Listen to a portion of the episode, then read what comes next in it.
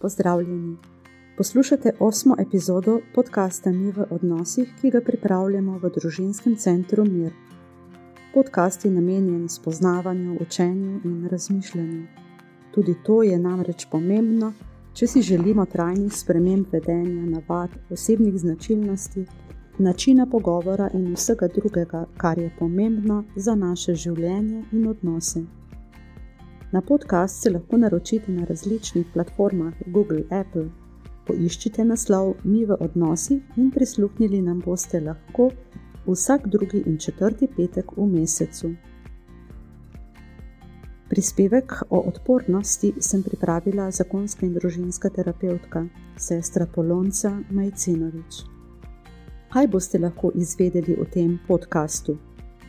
Katere so obremenjujoče otroške izkušnje in kako pogoste so, kaj kažejo raziskave v Sloveniji, kakšen vpliv imajo v odraslosti, kako lahko bolje poskrbimo, da otroci ne bi imeli toliko teh izkušenj, kaj lahko naredijo starši, da ne bi obremenjevali svojih otrok s takšnimi izkušnjami, kaj naj naredijo starši, kadar čutijo jezo kaj naj naredijo odrasli, ki čutijo posledice obremenjujočih izkušenj iz otroštva. Kaj lahko naredi vsak sam, vsak dan. In še osebna izkušnja odgovarjanja na obtrditve vprašalnika. V šesti in sedmi epizodi smo prisluhnili, kako lahko okrepimo svoje telo za soočanje s stresom.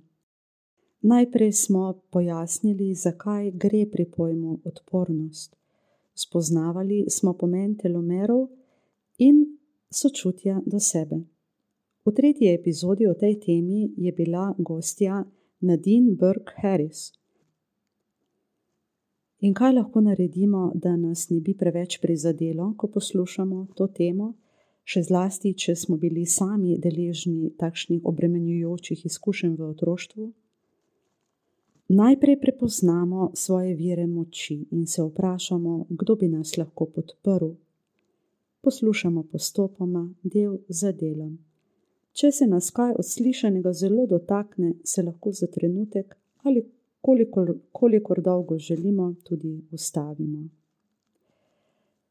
Katere torej so te obremenjujoče otroške izkušnje?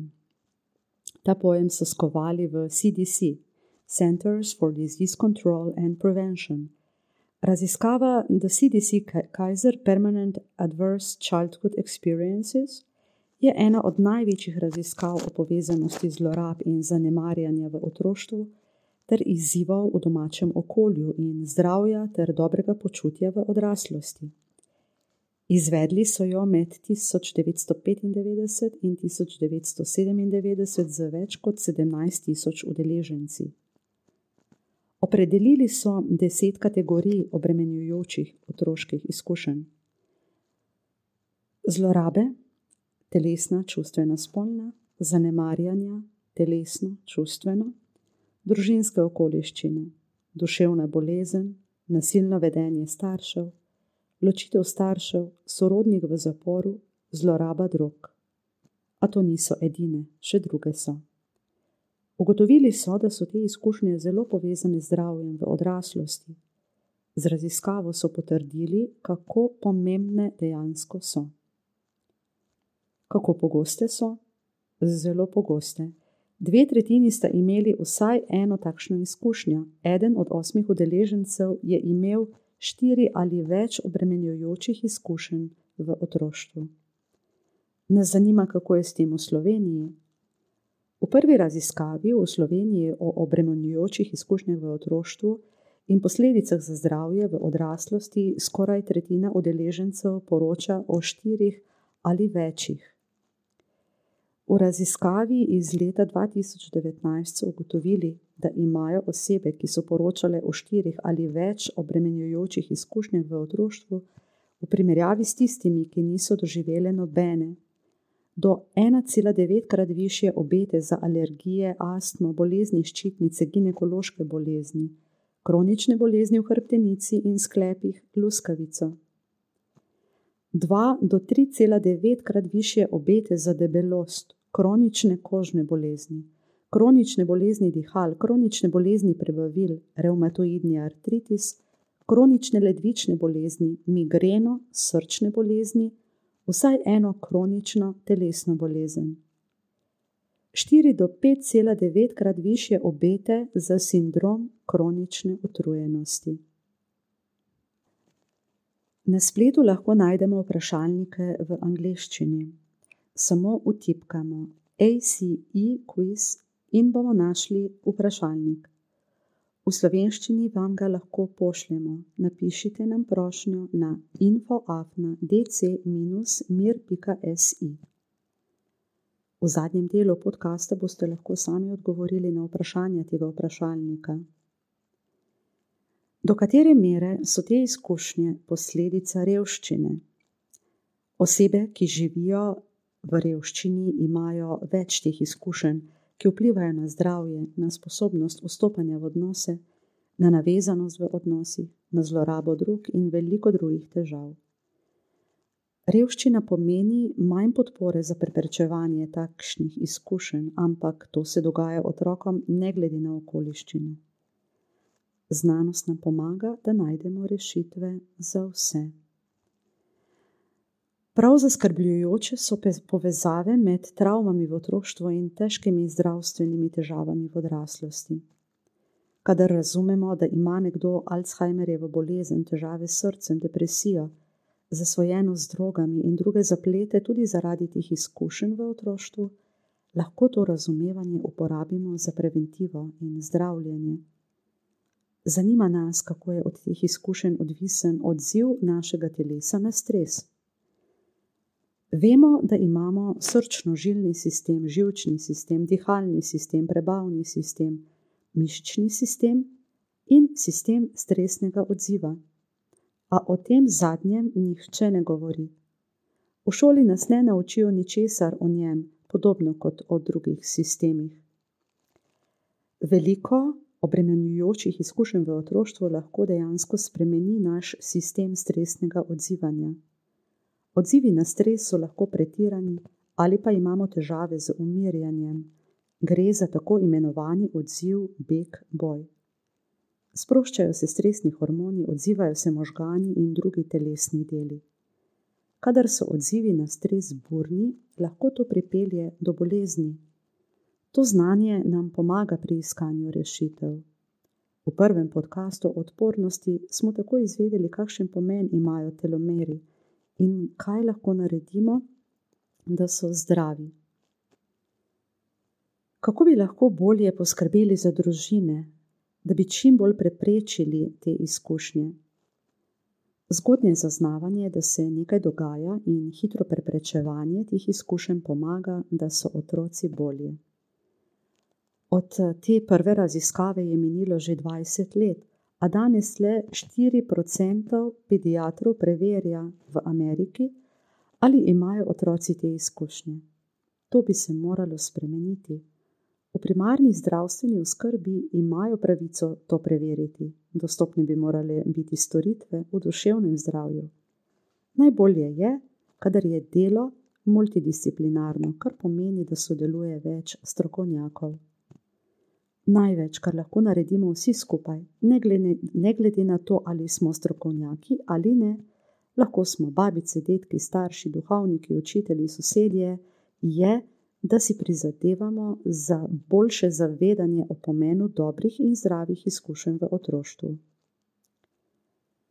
Kaj lahko naredijo starši, da ne bi obremenjevali svojih otrok s takšnimi izkušnjami? Ne glede na trud vseh, se temu tem izkušnjam ne moremo izogniti. Nažalost se to dogaja v povsod. Varni, stabilni in negojoči odnosi podprejo dobre odzive na stres. Otroka ne moremo zapreti v mehurček. Tisto, kar je stresno za otroka, je pogosto stresno tudi za starše. Pomembno je, da skrbimo zase. Kot skrbniki morajo starši poskrbeti zase, da lahko dobro poskrbijo za otroke. To so redni sprehodi, lahko sami, lahko z otrokom. Redna rekreacija spodbuja neuroplastičnost. Neuroplastičnost je sposobnost možganov, da se z učenjem spreminjajo. Pomembno je redno spanje in rutina spanja. Kadar je veliko stresa, bi bedeli v noč in premljevali, kaj se dogaja, a nam to ne pomaga. Spanjem znižamo vnetja v telesu, zmanjšamo stresne hormone in spodbudimo neuroplastičnost. Možgani se res najbolj razvijajo do šestega leta, a razvoj traja vse življenje. Možgani se odzivajo na izzive okolja in tako okolje oblikuje naše možgane, kako naj se odzivajo. Kaj naj naredijo starši, kadar čutijo jezo? Vsi starši jo čutijo. V trenutkih, ko smo res vznemirjeni in se aktivira naš sistem boj-beg, lahko rečemo otrokom, da potrebujemo odmor. V tem času na tak način se starši umirijo, adrenalin in kortizol se znižata. Potem se zavedo osnove odnosa z otrokom, to pa je ljubezen. Otroka imajo radi, zato znajo dobro povedati, kar želijo. Naprimer, nasilje med otroki.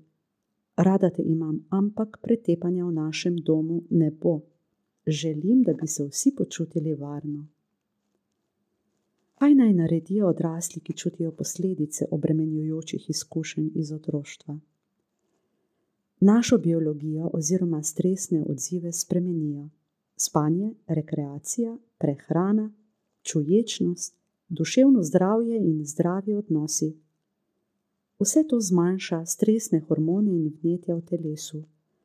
Najprej prepoznamo, kaj se dogaja, in potem ugotovimo, kaj je za nas dobro.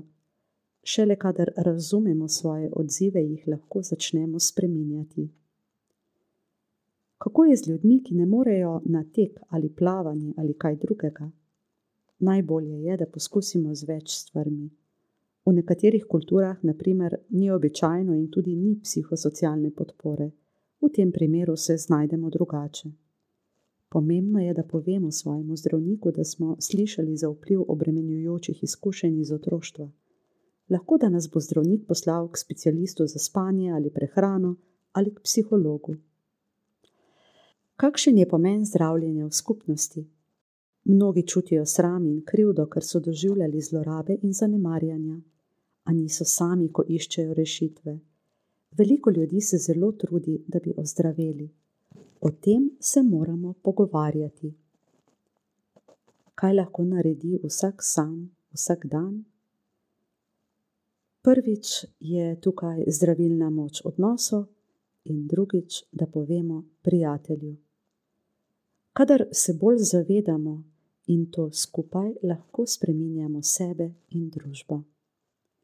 Prenos posledic obremenjujočih izkušenj iz otroštva lahko prekinemo. Sredstva za zdravljenje duševnih bolezni bi lahko preusmerili v preventivo otrok.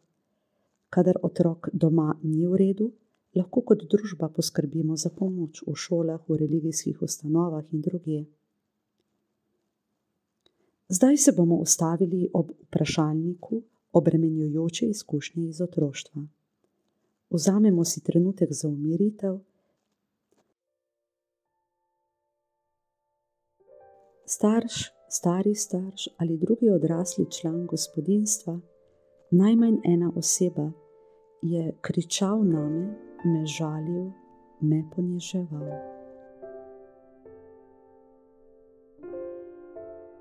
Starš, stari starš ali drugi odrasli član gospodinstva, najmanj ena oseba, se je obnašal tako, da me je bilo strah, da me bo telesno poškodoval.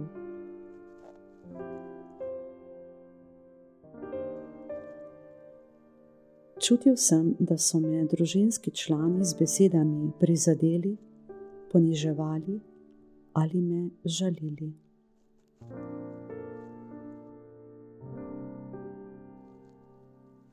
Starš, stari starš ali drugi odrasli član gospodinstva, najmanj ena oseba, me je odrival, suval, grabil, klofutal ali metal stvari vame.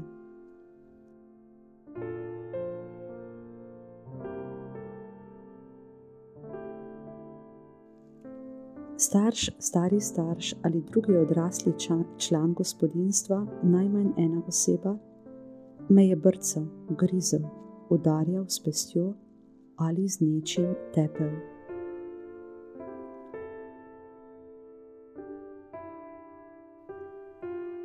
Starš, stari starš ali drugi odrasli član gospodinstva, najmanj ena oseba, me je udaril ali tepel.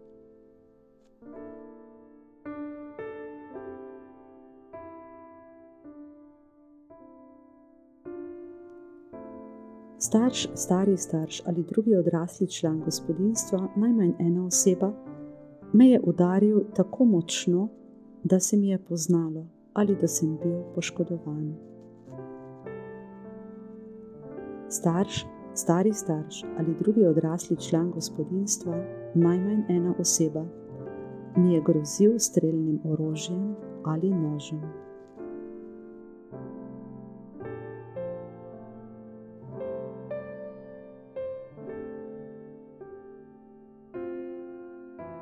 Odrasli ali oseba, vsaj pet let starejša od mene, me je silila, da gledam pornografske slike ali filme, gledam ali kažem spolne organe ali gledam spolni odnos.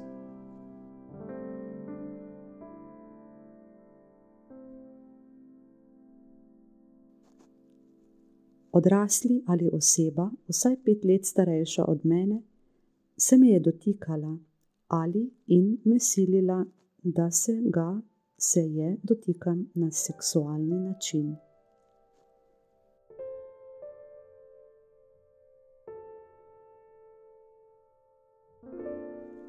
Odrasli ali oseba, vsaj pet let starejša od mene, me je napeljevala in ali silila k spolnemu odnosu, oralnemu, vaginalnemu, analnemu.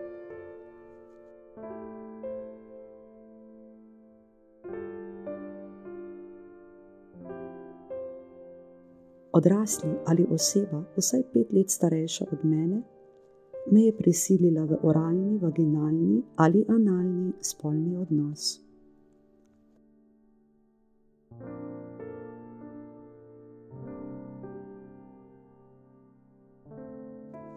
Čutil sem, da me nihče v družini ni imel zares rad, ali in da ni nihče mislil, da sem pomemben, vreden ljubezni, edinstven.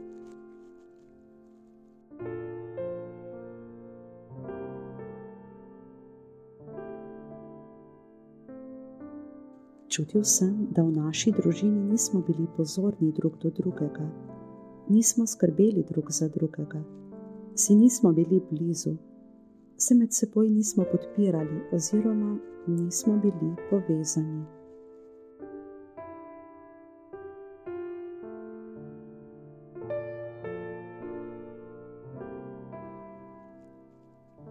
Čutil sem, da me je najmanj ena oseba v družini sovražila.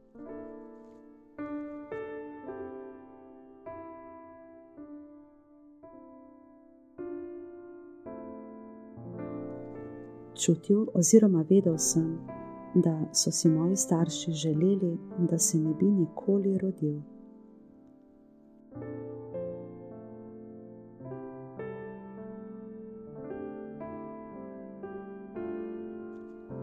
Zgodilo se je, da v otroštvu in mladosti do 18. leta nisem imel dovolj hrane, bil sem lačen.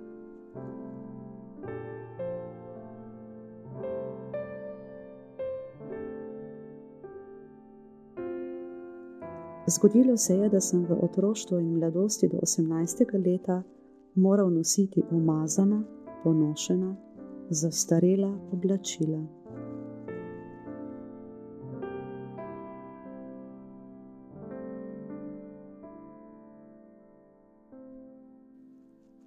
Zgodilo se je, da v otroštvu in mladosti do 18. leta nisem imel nikogar, ki bi me zaščitil.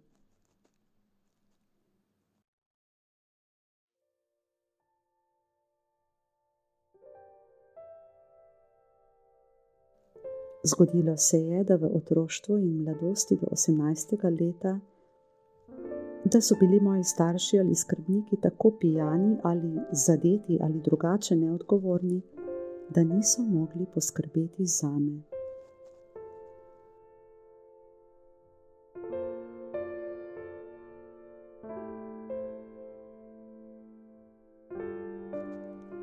Bil sem priča telesnemu nasilju ali zlorabam med starši oziroma odraslimi člani gospodinstva.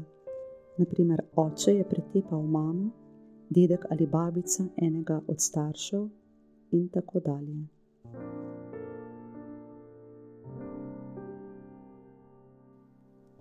Vsaj eden od članov gospodinstva je bil pogosto depresiven, psihično nestabilen, je imel psihiatrično diagnozo.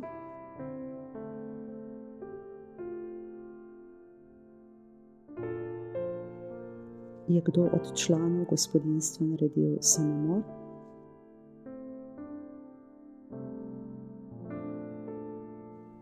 Do 18. leta sem živel z nekom, ki je bil zasvojen z alkoholom.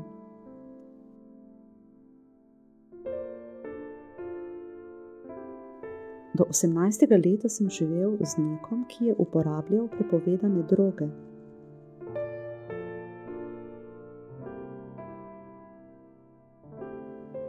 Do 18. leta sem živel z nekom, ki je zlorabljal zdravila, naprimer uspavala protibolečinska sredstva in drugo.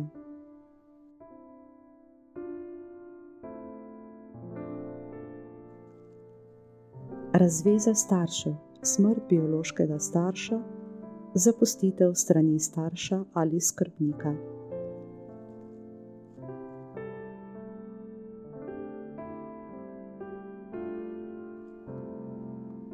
Ali je moja mama umrla do mojega 18. leta?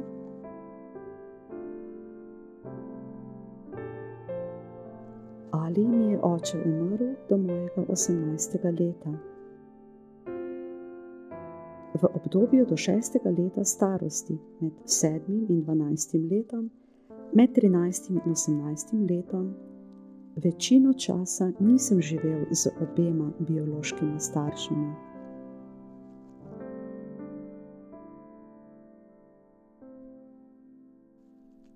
Zgodilo se je, da v obdobju do 18. leta staršem oziroma skrbnikom dalj časa, naprimer več mesecev, nisem imel stika zaradi razveze, razhoda, ker je zapustil družina.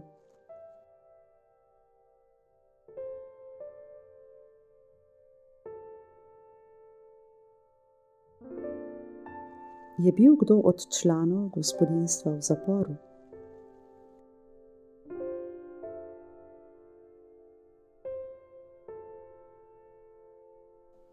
Je kdo od članov gospodinstva storil hujše kaznivo dejanje.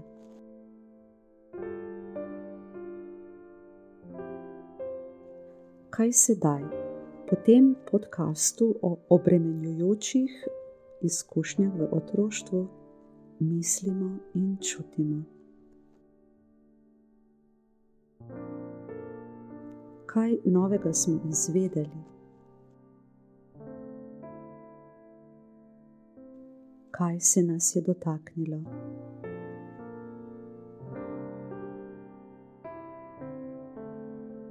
Kaj lahko naredimo, da bi ublažili posledice obremenjujočih izkušenj v otroštvu, če jih imamo?